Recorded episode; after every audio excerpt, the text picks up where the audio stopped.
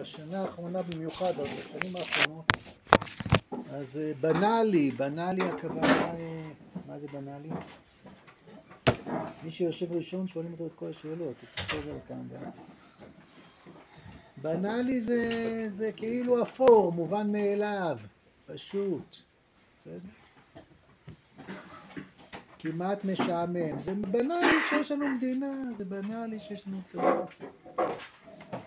אז אפשר לריב, נכון, שמעתם בשיעורים בטח, בטח גם אני אמרתי בשיעורים, שנגמרו הבעיות הביטחוניות, הקיומיות, אין כבר צבאות ערב נגדנו, ועכשיו אפשר להתעסק רק ב... בזהות. נכון, שמעתם את זה הרבה בשנים האחרונות. אז... אה, אז הקדוש ברוך הוא במסגרת הקורס שהוא עושה לנו לימד אותנו שזה לא כל כך בנאלי. שהוויכוחים שלנו זה לא רק מי חבר ועדה למינוי שופטים, עם כל החשיבות שיש לוויכוח הזה, ויכוחים... אנחנו עסוקים בבעיות הרבה מקומיות. בכל אופן, השינויים האדירים שעם ישראל עבר לפני 80 שנה, דם יהודי היה הדבר הכי זול בעולם, והיום אה, קיבלנו מכה כואבת, אבל... אה, אין סוף אנשים יוצאים לחרף נפשם להגן. השינויים הטכניים, החומריים שעם ישראל עבר, בזה שיש לנו מדינה, הם, הם ביטוי חיצוני. אולי אני אעמוד, יהיה הכי פשוט. אפילו סטנדר יש לי. השינויים האלה הם, הם, הם שינויים מאוד מאוד כבירים ומשמעותיים. יהודי שגדל לפני 70 שנה. בפולין או בתימן, אז יש המון המון הבדלים אה, איפה הוא גר, ומה החירויות שלו, ומה הזכויות שלו, ומה הגאווה שלו. אבל השינויים האלה הם חיצוניים. הגדולה היא תביעתנו גופנית. זאת אומרת, גוף, גוף זה, זה... אמרנו אה, אתמול, גוף, כשהרב מדבר על גוף, הוא מדבר לא רק על הבשר, הוא מדבר גם על הבשר. הוא מדבר הרבה יותר על הנפש, על כוחות הנפש, על האישיות, על הרגש, על. הכוח המדמה, על הרצונות, על החלומות, גם הבעיות, על העלבונות. גוף אה, בעיני הרב זה משהו, זה משהו חומרי כביכול, זאת אומרת אפשר לזהות את המעגלים במוח שמייצרים את ה... אפשר לזהות, נכון, נשים אותך ב-MRI ותרצה מאוד משהו, אפשר יהיה לזהות איפה יש עוררות חשמלית, באיזה חלקים במוח. הגדולה היא דעתנו גופנית. כשהרב מדבר על גוף, אז הוא מדבר על משהו כמו נפש. כשהרב מדבר על רוח, או נפש, הוא מדבר על משהו שהוא הרבה מעבר לזה. אז יש פה משהו שהוא לא מתחיל במקלט בטוח ולא מתחיל בשום דבר אחר, זה מתחיל, זה, זה תביעה. יש בעם ישראל תביעה גדולה מאוד, עוצמתית מאוד, לחיות, לחיות במובן, אפשר לחיות גם בתורה, אפשר לחיות גם בעולמות הרוח. יש חיים, אנשים שנפשטים מאוד, הם חווים חוויות גדולות מאוד של חיים. אבל משהו משתנה, משהו שהרב, אתם יודעים, כותב את זה כבר לפני 120 שנה לפחות, את מה שכתוב פה עכשיו. הרב מזהה אה, תהליכים שהרבה ראו שגדולה היא תביעתנו גופנית, רק ייחסו את זה לכל מיני מתירנות וטכנולוגיה ושפע ועושר ומסיפציה. והם לא ידעו להבין מה קורה, מה קורה. אצל כל אחד בנפרד וזרמים כאלה בעם, עם שהיה במשך אלפי שנים, בטח אלפיים שנה של גלות, עם מסירות נפש גדולה מאוד על הרוח, על הקודש, על התורה, על המצוות, על הצניעות זה מה שאפיין אותנו כל כך הרבה אה, שנים, בתנאים מטורפים, בתנאים קשים מאוד, קשים לעיכול וקשים אה, לחיות בהם, ופתאום איזה תהליכים אחרים, זה חלק מבירורי הכפירה שהרב מתאר, מה משמעות הכפירה של הדורות שלנו. והרב פה כותב, אה, הוא הרב כותב את זה, כולנו יודעים שגדולה את תביעתנו גופנית, אבל הרב מסביר לנו מאיפה זה בא, מה המשמעות, מה השורש, מה התפקיד של זה. זה בא מדחף נשמתי, דחף נשמתי שהנשמה עכשיו רוצה גוף. הנשמה רוצה גוף בקנה מידה אחר לגמרי, רוצה גוף באיכות אחרת. רוצה לחיות פה, שוב, חיי הקודש. אנשי הקודש אמיתיים הם מאוד מאוד חיים. רבי בר חי במערה, היה לו עולם אינסופי. כשיוצא מהמערה הזו, הוא משתגע איך אנחנו כולנו פגרי מתים, נכון? הוא אומר, מניחים חיי עולם ועוסקים בחיי השעה, אתה יכול לחיות בעולמות אין קץ, כמו שאני חייתי שם בתוך הזוהר של המערה. ואתה במקום זה מעדיף את השטויות הזולות והדלות שיש בעולם החיצוני. נכון, זה לא בגלל שאנשי קודש עליונים לא חיים. עכשיו זה, זה, זה תביעה נשמתית כזאת. גדולה היא תביעתנו הגבוהים גדולה, זה בא מהלכה שמהגדולה והגבורה, היא גם עוצמתית מאוד בווליום שלה, אבל גם במקור שלה. גוף בריא אנו צריכים. כי במשך הגלות לא היינו כל כך צריכים גוף בריא, היינו צריכים לשרוד. ומה התפקיד של הגוף? לאפשר לנו לשרוד. בלי גוף מתים, בלי גוף אי אפשר ללמוד תורה, אתם יודעים. בלי גוף אי אפשר לעשות מצוות, אתה צריך איזה גוף כזה. יויצי זין, אתם מדברים יידיש? לא יודע אפילו מה זה יויצי זין. מה זה? זה פחות או יותר, הנה יש פה עוד מקומות. אולי תביאו כיסאות, תשבו ככה יותר נעים לי. שמעת מקום לידך למישהו? רק כיסא. בואו תביאו אה, או כיסאות או סטנדרים, גם סטנדרים אני מקווה, או חלון, זה גם חוקי. יש לך אישור. אז יש פה איזה, איזה תנועות, תנועות אה, תת, אה, תת מודעות, תנועות ש, שגורמות לאנשים אה, אה, לא להצליח לחיות כמו שחיינו במשך 1800 שנה בגלות. משהו בכלל לא סובל, משהו בכלל לא אה, מקבל, משהו בכלל לא... אה, אתה עם סטנדר. אתה רוצה להביא כיסא? יש פה, פה, פה, פה, פה. הנה יש פה כיסא, בוא, קח אותו. קח את הכיסא הזה. גוף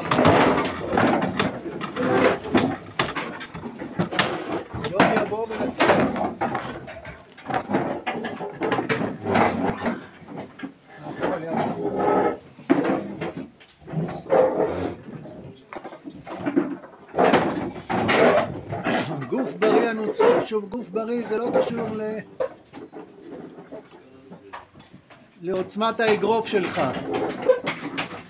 בריא זה גוף שמרגיש עם עצמו טוב, מרגיש עם עצמו בטוח, לא חושב שזה בסדר, לא חושב שזה עבירה, לא חושב שזה חטא, לא חושב שמשהו לא טוב בחיים שלו. גוף בריא אנו צריכים במובן הפשוט, ביטחון עצמי. מה הקשר בין גוף בריא? ביטחון, מדובר על הנפש, לאו דווקא על הגוף. יכולה להיות שפעת ויכול להיות שאתה פצוע. אבל הגוף בריא זה שהקודש לא נמצא רק בנשמה ורק במחשבות גדולות. בגלות אנחנו מוקשים את הקודש, את הקודש, וככל שאנחנו עוזבים יותר את הגוף. ומתרחש פה איזה שינוי, שינוי, אלוקים בורא אותנו אחרת. אלוקים בורא דורות חדשים. כתוב ש... הגמרא בפרק חלק המפורסמת, נכון, ואמר רבי אבא, כיוון שארץ נותנת פירותיה בעין יפה, אין לך קץ מגולה מזה, נכון? ואתם הרי ישראל, לפניכם תיתנו, לפניכם תישאו למי ישראל קרבו לבוא, ככה אומר הנביא יחזקאל, וזה אומר רבי אבא, כיוון שארץ נותנת פירותיה בעין יפה, אין לך קץ מגולה מזה. אז מה אומר רבי אבא? המון דברים רבי אבא אומר. דבר ראשון הוא אומר שכשיגיע הקץ, לא תזהה שום דבר מכל התוכניות שלך. יושב יהודי במרוקו לפני 500 שנה או ביהופית לפני 300 שנה והוא מתכנן איך תהיה הגאולה, אז רבי אבא אומר לו, אתה לא בכיוון. אתה לא בכיוון. משום שהקץ הכי מגולה קשור לפירות. אבל רגע, איפה בשאר המקומות? אתה לא תראה. כך אומר רבי אבא. נכון, הוא נותן סימן, אבל לפני שהוא נותן סימן, הוא אומר, יצטרכו סימנים. אם אתה מנסה לקחת העתק הדבק, לפנטז, אנחנו, יש לנו כל מיני מסלולים איך נהיים יותר צדיקים, איך נהיים יותר טובים, איך נהיים יותר תלמידי חיים. אז רבי אבא אומר, תשים את זה בצד הכל. אתה לא בכיוון. הולכת לצמוח פה קומה חדשה שהשכל לא יבין אותה ולא יודע להסביר אותה. ולכן הגילויים שלה אולי היו קטסטרופליים. כי הגוף נהיה בריא, כשיש לי ביטחון עצמי, כשאדם מקבל את הגוף שלו, אז זה בא הרבה פעמים עם המון דברים רעים, כמו שכתוב פה בהרבה פסקאות בספר הזה. אם אתה מרגיש שהגוף שלך הוא... הוא, הוא דבר שאסור לסמוך עליו ואסור לבטוח בו ולא הוא מגלה את האמת ויש בו הרבה דברים רעים. אתה קורא לזה יצא הרע ואתה שלטון השכל על הגוף ואתה שלטון הקודש על, ה, על האגו שלך. ואם, ואם אם נהיית גדולה תביעה גופנית אי אפשר לעצור תביעה כזאת. יחידי יחידים ינסו, יצליחו, כל מי שיצליח יקום ויפול, יקום ויפול. כי זה בא, מה שבא מהשמיים, זה בא מהגדולה. גדולת תביעתנו הגופנית לא צריך להיות בריון בשביל זה, אתה יכול להיות גם בגלות הם בריונים, יש הגנים שלהם, נכון? ככה עוד יודע, מספר על נציב שהיה מצליח לקפל מטבע באצבעות שלו. הוא לא הלך לחדר כושר, זה יש.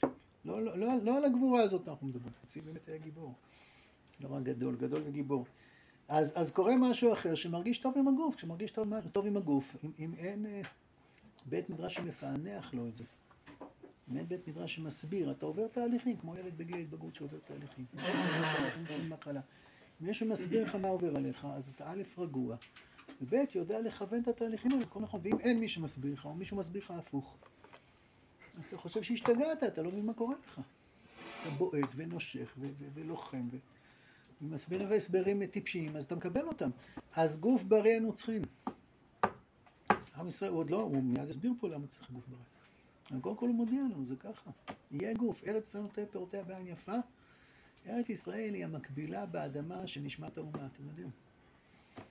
כי חלק אשר אמור יעקב חבל נחלתו, האדמה הזאת, אפשר להסתכל על מבחינה פיזיקלית ולבדוק אותה במעבדות ולבדוק איזה מינרלים יש בה, וזה בסדר גמור, אבל גם אותך אפשר לבדוק מבחינה פיזיקלית במעבדות ולבדוק איזה מינרלים יש בך, ולא יודעים עליך שום דבר, נכון?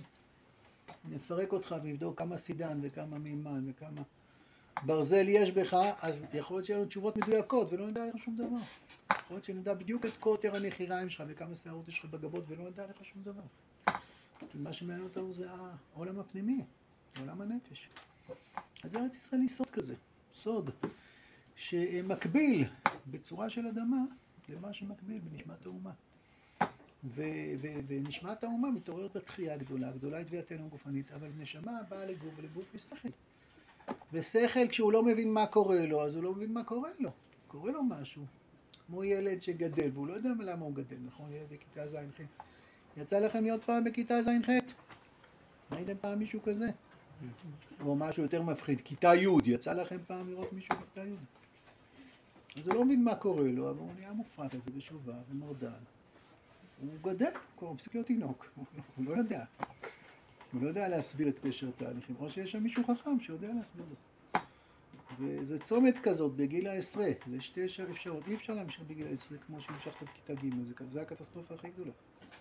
זה או טיפש עשרה או חיצים ביד גיבור כבני הנאורות, זה שתי אפשרות שיש. כי גדולה היא תביעתנו גופנית, בגיל 12-13 זה מתחיל. פחות או יותר יש תהליכים. זה בצורה מאוד מאוד מאוד מזערית בחייו של אדם יחיד. פה כנסת ישראל גדלה. אז עם ישראל לא יודע מה קורה לו. אז יהיו המון המון דברים, ואתה אף אחד לא יעלה על דעתו, כמעט אף אחד לא יעלה על דעתו. ולכן רבי אבא אומר, צריך סימנים, והסימנים האלה לא בכיוון.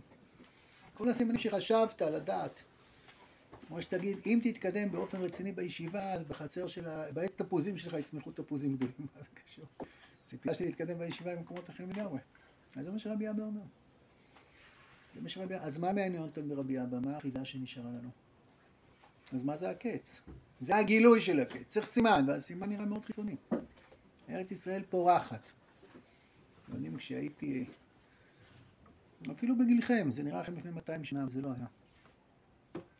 אז היה עוד, אז עוד דיברו על הפרחת הנגב, גם היום מדברים על הפרחת הנגב, נכון? נכון. אז דיברו על חבל לכיש.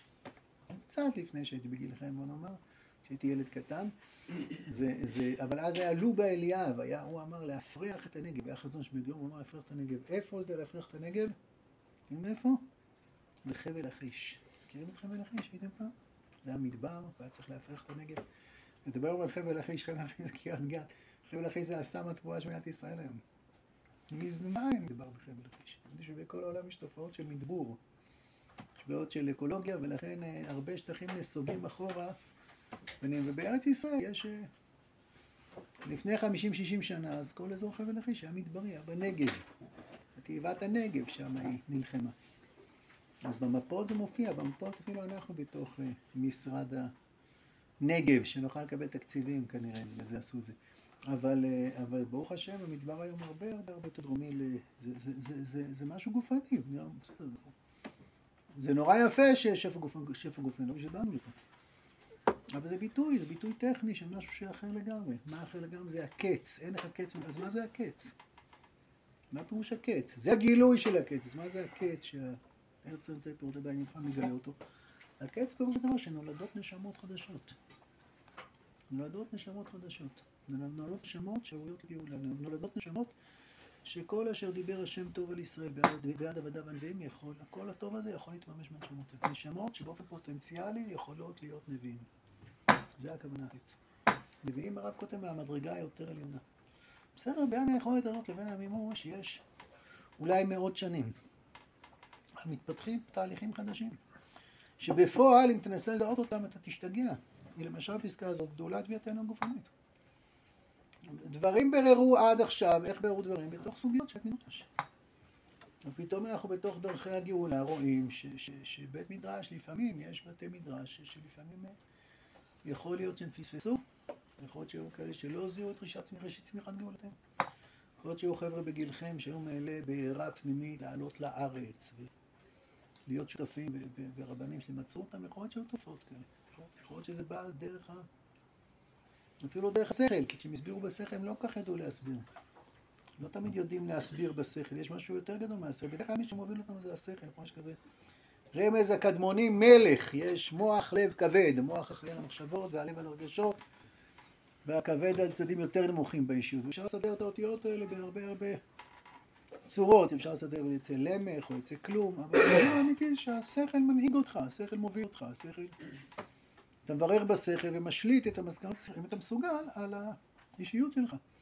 אבל יש תקופות אחרות, יש תקופות שהשכל מסוגל להתבלבל, תקופות של תמורה, של שינוי.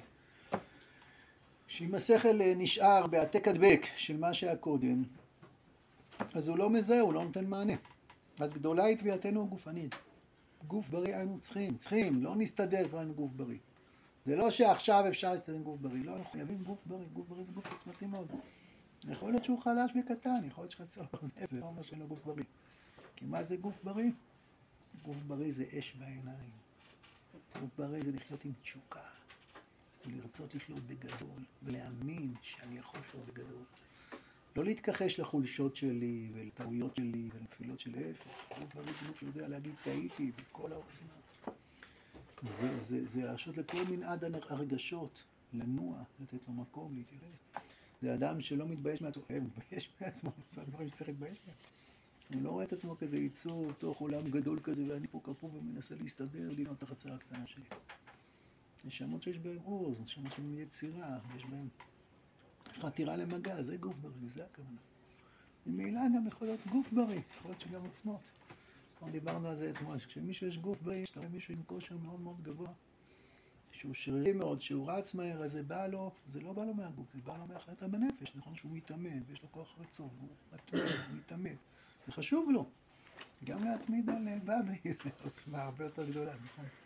אז זו עוצמה שבאה במקום אחר, מסוג אחר. גוף בריא היינו צריכים.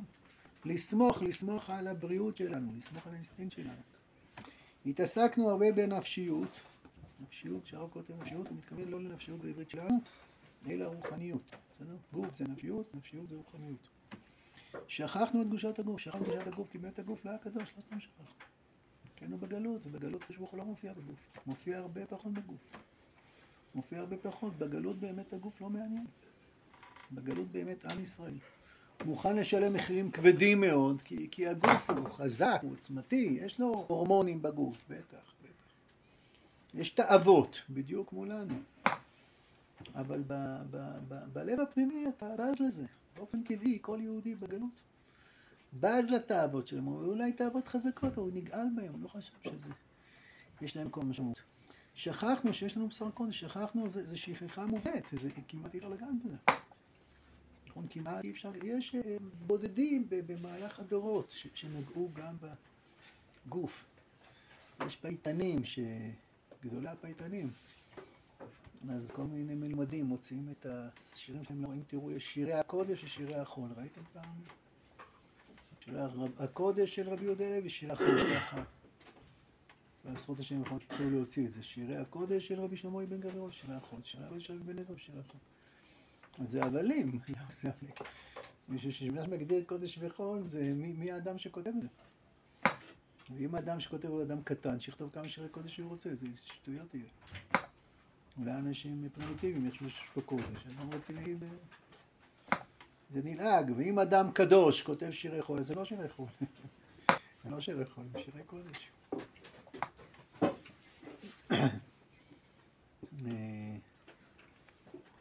אה, סיפרתי כמה פעמים, יש לי בן דוד שהיה, אה, גדל בבית בלי כיפה נקרא לזה ככה, הוא היה שחקן תיאטרון, מאוד מוכשר כנראה. ו... וב-500 שנה גרו ספרד, זה היה לפני 30 שנה בערך, תשנ"ב. אז אה, באזור השנים האלה, אז אה, משרד החינוך השקיע הרבה מאוד כסף במורשת יהדות ספרד. הוא קיבל תקציב לעשות איזו הצגת יחיד על, אה, על בסיס שירים של רבי יהודה לוי, שירי החול של רבי יהודה לוי. זה היה אינטליגנטי, זה לא היה... עשה הצגה מאוד יפה, שהסיפור הוא איך רבי יהודה הלוי עוזב את הגלות, נוסע בים, והוא יוצא, באמצע הים סערה, והוא נפל טובה, והוא ניצל, כל זה על בסיס. הוא שחקן מאוד מאוד טוב. בהצגת הבכורה היה שר החינוך, והיו כולם, והוא מתקשר אליי בלילה, אני הייתי אברך בירושלים. הוא אומר, אני חייב להביא לך דחוף דחוף. ממש ככה הייתי שם מצווה קיומית, הוא אומר, היום הייתה לי הצגת בכורה, כן? ובאמצע הצגת בכורה היא פוצצה ולא הצלחתי להמשיך. מה היה? היה אה, שהוא מתאר את ה... איך האונייה טובעת בים, והכל מילים של אה, רבי יהודה הלוי. עכשיו הוא שחקן מאוד מאוד טוב. הוא יושב לידי במטבח שלי בירושלים על כיסא, והוא עושה הצגה שהוא הולך להיטבע, לטבוע, ואני, אני יודע שהוא לא טובע. אני מחזיק את הכיסא חזק חזק כדי לא להציל אותו, כאילו מה, אתה מפגר, אתה יודע שהוא לא טובע, אבל הוא חי את זה ככה. הוא נכנס לזה מאוד מאוד מאוד. זה קשור לסיפור, אני לא. ואני זוכר שהוא אומר, המוגלים כמו גלגלים, מתאר איך האונייה עולה ויורדת, ואז פתאום בום, הוא עף מהסיפון. כנראה זה ככה יודע. והוא טובע בים, הוא מתאר לעצמו איך הוא. ואז יש מילה אחת, בתוך השיר איך נכנסה מילה אחת, אזעק אלוקיי. כשאדם טובע, גם אם הוא מחילוני, הוא לא להגיד אזעק אלוקיי, נכון? יש רגעים שמותר. אבל כשגם שחקן שהוא נכנס לדמות, והוא גם הצגת בכורה קוראים לזה, משהו, הוא נכנס לתפקיד, ואז כשהגיע למילים אזעק אלוקיי, אז הוא אמר אזעק, ואז הוא נתן שאגה מטורפת כזאת, צרחה של החיים שלו. הוא צעק אלוקיי, איזה הצגה, הצגה מטורפת, וזהו, הוא לא הצליח להמשיך. כולם חיכו וחיכו, הוא לא הצליח להמשיך.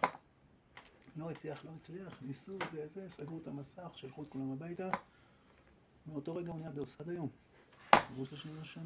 הוא תלמיד חכם, הוא... הוא קרא כאב חמורה. שירי האחרון של רבי יהודה אלון.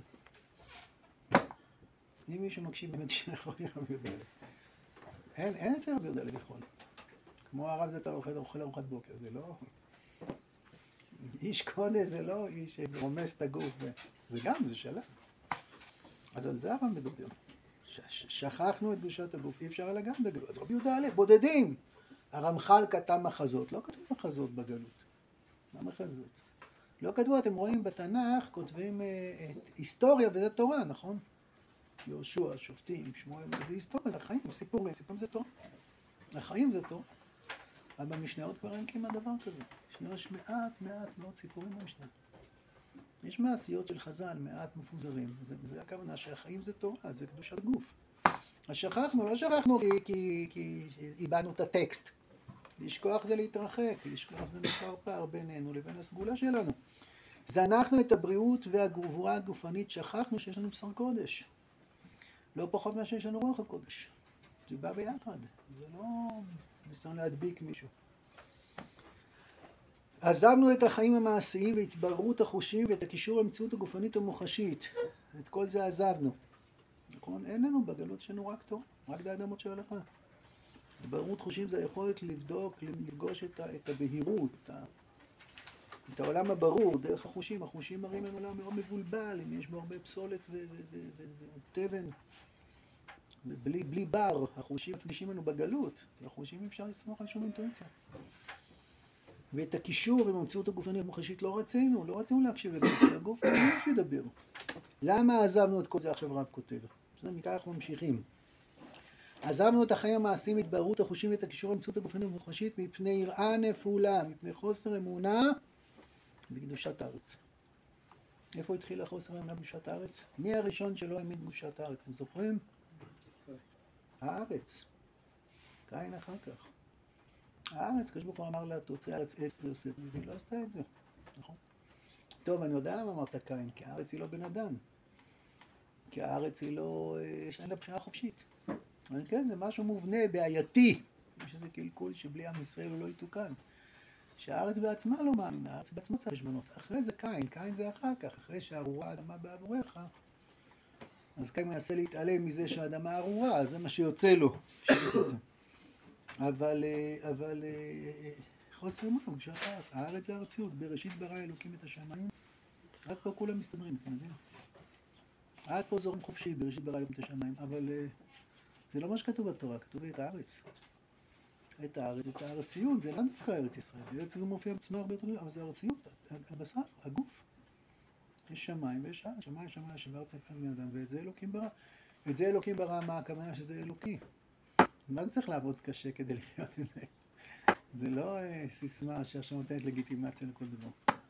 אבל זה חזון, זה יעד שעם ישראל שואף אליו. תראו, אנחנו עכשיו בתוך ימים מאוד אה, מסובכים, מאוד מסובכים. צה"ל אה, ייצב את המצב, חיסל את כל המחבלים שחדרו. בינתיים אנחנו קודשים בעזה, בעזרת השם, שתקטש ותלך. אנחנו קצת יותר רגועים, בשליטה, הפרופורציות חזרו. אבל uh, קרה פה מהלך uh, קולוסלי, קרה פה מהלך uh, מגה היסטורי, קרה פה מהלך, אנחנו לא יודעים איך זה ימשיך גם. זה לא אירוע, היה אסון, באסה מאחורינו, ממש לא ככה. האדמה רעדה, האדמה רעדה בנפש, הנפש כל, עדיין רועדת. יש את הלוויות, את הפצועים, את החטופים שהשם ישמור עלינו, וזה לא נגמר, אתה רואה עוד מספר, עוד מספר, מכל הרוג יש הורים, חלק נשואים, חלק יש ילדים יתומים, והכאב מטורף, זה לא... אה, זה ימשיך עשרות שנים קדימה, הכאב הזה. שהשם באמת ישיב ונראה את כל החטופים בעברות נוסחה לביתם. אז אנחנו בתוך איזה אירוע מאוד מאוד דרמטי, ומה שם האירוע הזה אומר לנו קודם כל שאנחנו אנחנו חיים על uh, מציאות מדומה. כמו שהייתה מציאות מדומה שם בגדר, נכון? גדר, אה, שוכלת בעולם, אי אפשר לעבור אותה. כל החשים האלקטרונים, בסוף מתברר מספריים, עוברים אותה וזהו.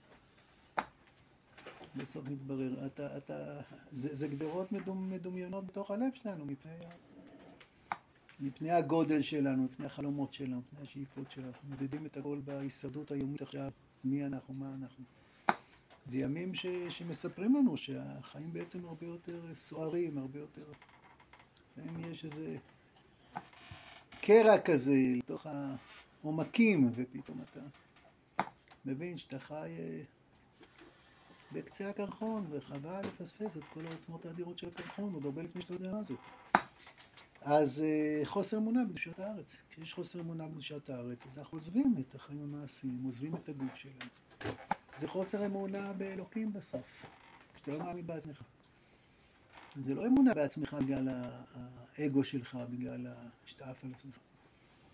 אלוקים ברא אותך, אלוקים ברא את הארץ, הארץ זה אני. אני, זה הגשמיות שלי, הגופניות שלי.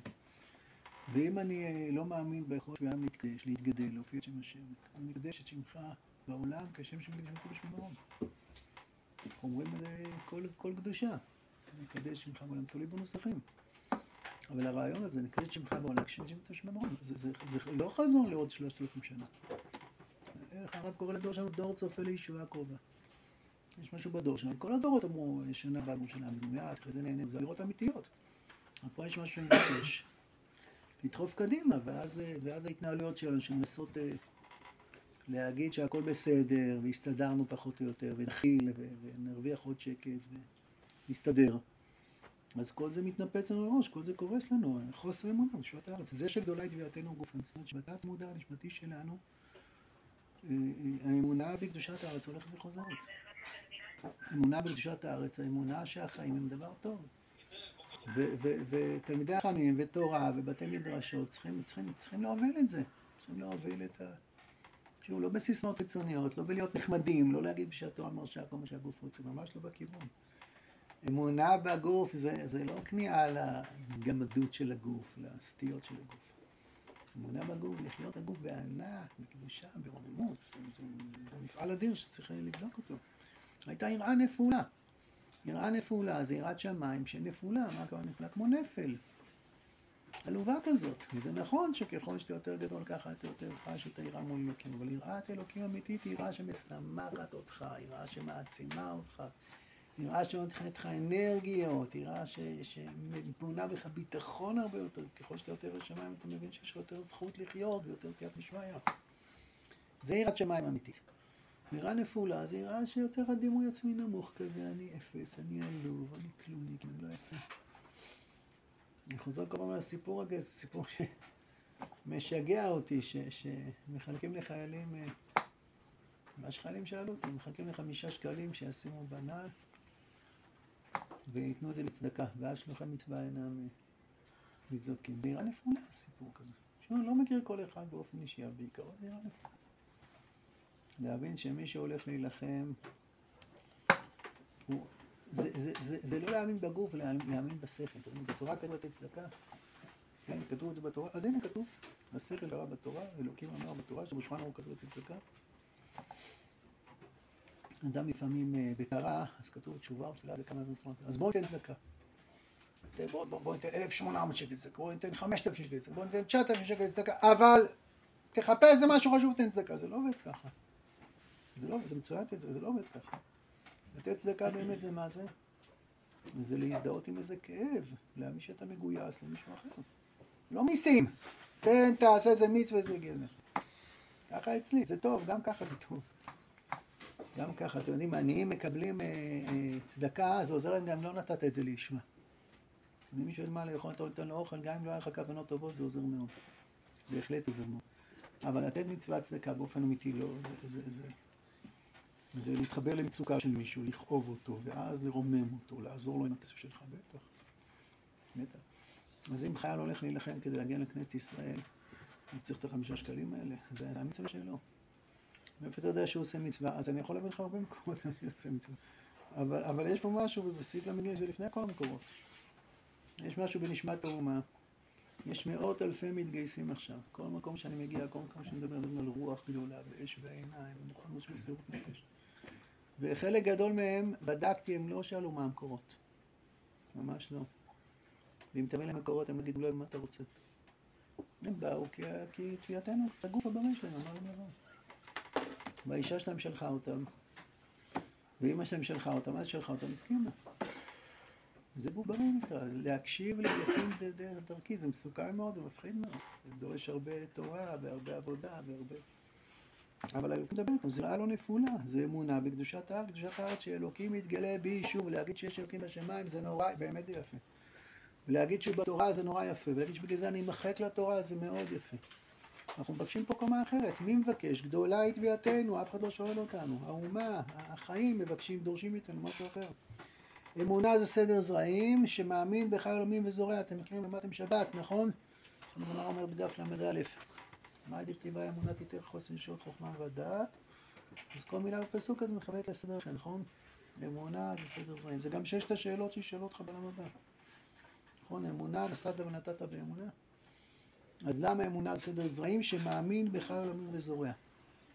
פשטות, אדם חקלאי הוא אדם של, של אמונה. למה הוא אדם של אמונה? כי, כי חקלאות היא תהליכית.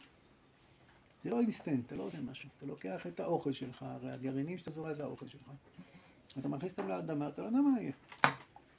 אתה לא יודע מה יהיה, זה לא בידיים שלך. החלק גדול מזה בידיים שלך, הרבה לא בידיים. מתי ירד הגשם, איך ירד הגשם, כן יצמח, כן ירגובי, כן, אתם זוכרים את כל העיר הצאני? אחרי שהכהן הגדול יוצא מבית קודשי הקודשים, מה שאמרנו בתפילה מגבים כיפה. אתה מאמין, מאמין זה בוטח, מאמין זה מחובר. יש לך ימים. אלוקים הוא חיים. יש לך ימים, יהיה בסדר. זאת אומרת, לזה להאמין בארץ. עם ישראל באמת לא היה חקלאי בגלות. גם המציאות הטכנית לא השאירה לו, הגויים לא שונו. גם כנראה בנפש, זאת אומרת שחלק ממה שמאפיין את החזר לארץ זה חקלאות. בחקלאות יש היום כאלה ש... אומרים שהיום אנחנו אומת Start-Up Nation, אנחנו הייטק, מה החקלאות? זה פאסה.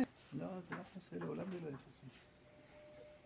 חקלאות זה, זה, זה משהו בנפש, חקלאות זה חיוניות, חקלאות זה כוחות חיים. הייטק זה טכנולוגיה, וזה חשוב מאוד להמציא טכנולוגיות גבוהות. זה עוזר מאוד מאוד, זה לא החיים. חקלאות זה איפה אתה חקלאי בעצמך, איפה אתה מגדל... בתוך התהליכים כאלה, אז אמונה, המילה אמונה, בנביא ישעיהו, הגמרא מבינה, זה זרעים. זה להאמין בקדושת הארץ, להאמין שאלוקים מניע פה תהליכים טבעיים, להאמין שאלוקים נמצא פה בתוך האדמה. כל תשובתנו, זה משפטים מפחידים מה שהרב כותב פה, כל תשובתנו תעלה בידינו. רק אם תהיה, עם כל עוד רוחניותה, גם תשובה גשמית יוצרת דם בריא. הרב כותב בדרך כלל הפוך ממה שכתוב פה, נכון? הרב מדבר על תשובה גופנית, זאת אומרת על הציונות, על תקומת הארץ. הרב חי בתוך... דורות שיש בו אלפי, עשרות אלפי אנשים שעולים לארץ וכובשים את השממה ומקימים קיבוצים ומקימים כוחות מגן, יש, ואז הוא כותב, צריך נשמה לכל זה, נכון? ופה הזווית היא הפוכה. הרב כותב על אה, כל תשובתנו תעלה בידינו. יש לתשובה שלנו עוד רוחניות, תעלה איזה תשובה מתכוון? מתכוון כנראה לתורה הגדולה שצמחת במאות השנים האחרונות. תמיד הציונות לא התחילה לפני 140 שנה, הציונות לא התחילה בעלייה הראשונה. ממש לא. העלייה הראשונה, מה זה לא הייתה ראשונה? מה הייתה ראשונה? אה, אה, יותר מאה שנים לפניה, אז עולים תלמידי הגר"א ותלמידי הבעל שם טוב. האור הקדוש והעולים מצפון אפריקה, יש עליות גרעיניות. בבית יוסף עוד לפניו הרבה יותר, הארי הקדוש, כל החבורה שהייתה בצפת. שם מתחילה התשובה. יש גם הרמב"ן קצת אה, עוד כמה מאות שנים קודם, אבל לפחות לפני 500 שנה זה מתחיל, מתחיל להתבסס מרכזים בארבעת ערי הקודש, בצפת, בטבריה, בירושלים ובחברון. יש אה, התיישבות אה, יהודית במסירות נפש אה, גדולה, ששם יש הוד רוחניותה, שם את כל הסוד, כל הנסתר, כל הזוהר, כל תורת הארי. כל זה צומח פה בארץ ישראל, בקבוצות הקטנות האלה, שמאוד התיישב. זה התשובה, הרב לא למד למבחן לבגרות בהיסטוריה במשרד החינוך ואמרו לו שהעלייה הראשונה הייתה העלייה הראשונה. ממש לא מתחיל בכיוון. הציונות הפוליטית התחילה אולי לפני 140 שנה. כן, גם זה לא כל כך קשור לעלייה. הציונות הסוציאליסטית אולי שם. אבל תשובתנו, זו תשובה לחיים, זה להצמיח תלמידי החכמים שחושפים תורה פנימית, תורה עליונה, הוד רוחניותה. היא לא תעלה, הוא מדבר על בתי המדרש עכשיו, לא על זה, בחוץ זה קורה לבד בלי לשאול אף אחד. רק כדי שבית המדרש יוליך את האומה, אז תשובה גשמית, יש לו ביטויים מאוד מפתיעים, מאוד uh, קשים לעיכול. היו הרבה אנשים שלא יכלו לסבול את מה שכתוב פה, הרבה אנשים יראי שמיים, הרבה אנשים חרדים, שהתפחלצו כשהם קראו את השורות שאנחנו נקראנו. זה שורות שבעיניהם לא יכלו להיות כתובים בספר קודש. כל תשובתנו תעלה בידינו רק אם תהיה עם כל הוד רוחניותיה גם תשובה גשמית. מה תשובה גשמית? יוצרת דם בריא, בשר בריא. גופים חטובים ואיתנים. מה זה גופים חטובים ואיתנים? מה זה גוף חטוב? אין לכם מושג. שרירי, עוצמתי. רוח לוהט וזורח על גבי שרירים חזקים. מאיפה יהיה גופים חטובים שרירים? מאיפה יהיה? כי ישקיעו בזה. למה ישקיעו בזה? כי זה יהיה חשוב. למה זה יהיה חשוב? כי הקודש עכשיו זה חשוב. היה מאוד קשה, אנחנו לא נלמד אולי נלמד בשיעור הבא מחר, איגרת ש... שהרב זריהן זצ"ל, היה רב קדוש מאוד, הרב הספרדי של טבריה היה לפני 120 שנה בערך כשהרב כותב את זה, והוא לא מבין מה כתוב פה. אז הרב מחבר אותו למקורות הרבה יותר פנימיים, אולי נקרא את ה... אולי נצלם את הגירת אותו למחר, אבל זה משפטים לא של ספר קודש, נכון? דם בריא, בשר בריא, בשר זה מילה לא קדושה בדרך כלל. גופים חטוב, למה זה גוף חטוב? בשביל מה גוף חטוב? קדוש להיות, למה צריך להיות חטוב? למה צריך את העוצמה הזאת? גופים חטובים לא חייב להיות דווקא שרירים. פה כתוב רוח לוהט זורח על גבי שירים חזקים, זה נשמע לקוח מ... לא. בטח לא מספר קודש. ושוב, אני לא חושב שמדובר דווקא על השירים האלה, והשירים האלה הם, כי אכפת לך, כי זה מעניין אותך, זה יכול לעניין אותך כי אתה טמא וגס ותחרותי ורוצה תשומת לב ורוצה שיסתכלו עליך. אנשים מטפלים בשירים הזורחים שלהם מאלף סיבות גרועות ומכוערות. הרב פה כותב קודם כל תשובה אה, פנימית עם כל הוד רוחניותה, שאליה מצרפים, ככה הדרך נכונה, ככה צריך להיות. אליה מצרפים גם תשובה לשמית. אחריות שאתה יודע, חיים ש... בעיקר כוחות השירים שלהם חשובים יותר, הרוח שלהם, היחס שלהם. מסתכלים על העולם באמון, באהבה, בתקווה, בתחושה של שלטון, של אדנות, שאני מסוגל להזיז פה כוחות, כי אלוקים זורם דרכי. ביטחון עצמי לא של גאווה שמישהו לא רואה אחרים, ביטחון עצמי של צהלת חיים, שמחת חיים, אנרגטיות, אנרגטיות. כמו דוד שהוא אדמוני. כמו שני אנשים כתוב בתנ"ך שהוא אדמוני, בסבא דוד. כששמואל רואה שדוד אדמוני אז הוא בהלם, הוא בפאניקה, הוא מתיישב ככה. חז"ל מבינים מרוב שהוא, נכון? הוא לוקח כיסא ויושב, שהוא תשב על סתם מרוב הלם. כי דוד הוא אדמוני, אדמוני זה לא הצבע של השערות, אדמוני זה דם בריא, זה אדמוני. אז זה יכול בדרך כלל בכל הגלות להתגלה בצורת אנשים כמו עשיו, שהזוועתי, אבל כשדוד המלך בא להופיע, והוא בא להופיע, אז, אה, אז צומחים אנשים כאלה שרוצים לחיות, רוצים לקחת את היכולות הגשמיות שלהם לקצוות בלתי נתפסים. כמו, זה מאוד מזכיר גיבורי דוד, נכון? גיבור דוד, הרב מדבר שם במכתב הזה לרב זריאן, אבל זה כבר אה, נראה מחר בעזרת זה, זה קומה חדשה שהיא לא נתפסת. והמעבר מהתורה הישנה של הגלות שאנחנו כל כך אוהבים אותה, ולא יכולים לחיות בלעדיה, ושום דבר לא יתפתח בלעדיה. וזה מה שאנחנו עושים בכזאת שמחה, נכון? לומדים בבלי, וראשונים ואחרונים. כי זה השער היחיד, אין שום דרך להגיע למה שכתוב בתורה, למה שכתוב בתנ"ך, בלי הבבלי. אם תעקוף את הבבלי, אדבר שטויות, בטח לא תיפגש מה שכתוב בתנ"ך. כדי להגיע לתנ"ך צריך אה, תשובה עם עוד רוחניות. עוד רוחניות. הוא הולך דווקא דרך התורה של הגלות. הגלות היא אה, העמוד של חוט השדרה, הגלות זה הצינור של החיים. שהוא השער להשם, משם אפשר לגלות. ובגבורת הבשר המקודש, לא בשר, לא גבורת בשר, גבורת בשר, אנשים שהם מלאים מלאים מלא שקיקה לקודש, לכלל ישראל, לאמונה. בגבורת הבשר המקודש, תאיר הנשמה שאין התחלשה, שלא יהיה ממנו בארץ. אז הגוף זה מין תהליך שכל אחד דוחף, הנשמה גדלה, הגוף גדל, נשמה גדלה, הגוף גדל, נשמה גדלה, רואים את זה בהרבה פרקים בתנ"ך, דברים ל', יחזקאל ל"ו, פרקי התשובה. זכר לתחיית המתים הגופים, זה סוג של תחיית המתים. אנחנו יודעים ש, ש, שהמוות בא לעולם בגלל חטא. מה זה חטא? חטא זה חוסר האמון בגוף. זה הכניעה לגוף. בעצם עכשיו הגוף שלי הוא לא באמת אלוקים. שאלוקים אומר שהעץ הזה אסור לאכול, וחווה אומרת כי טוב עצם האכל. ככה אנחנו, אנחנו הורגים את עצמנו. ככל שיותר נאמין בזה שאלוקים ברא את הארץ, אותי, אז ככה משהו מחזון אחרית הימים ילך יותר ויותר ויתגלה עלינו. אז מישהו אה, יתנדב להזכיר שתצלם לך את האיגרת של אה, הרב, ברכת השם, כל טוב.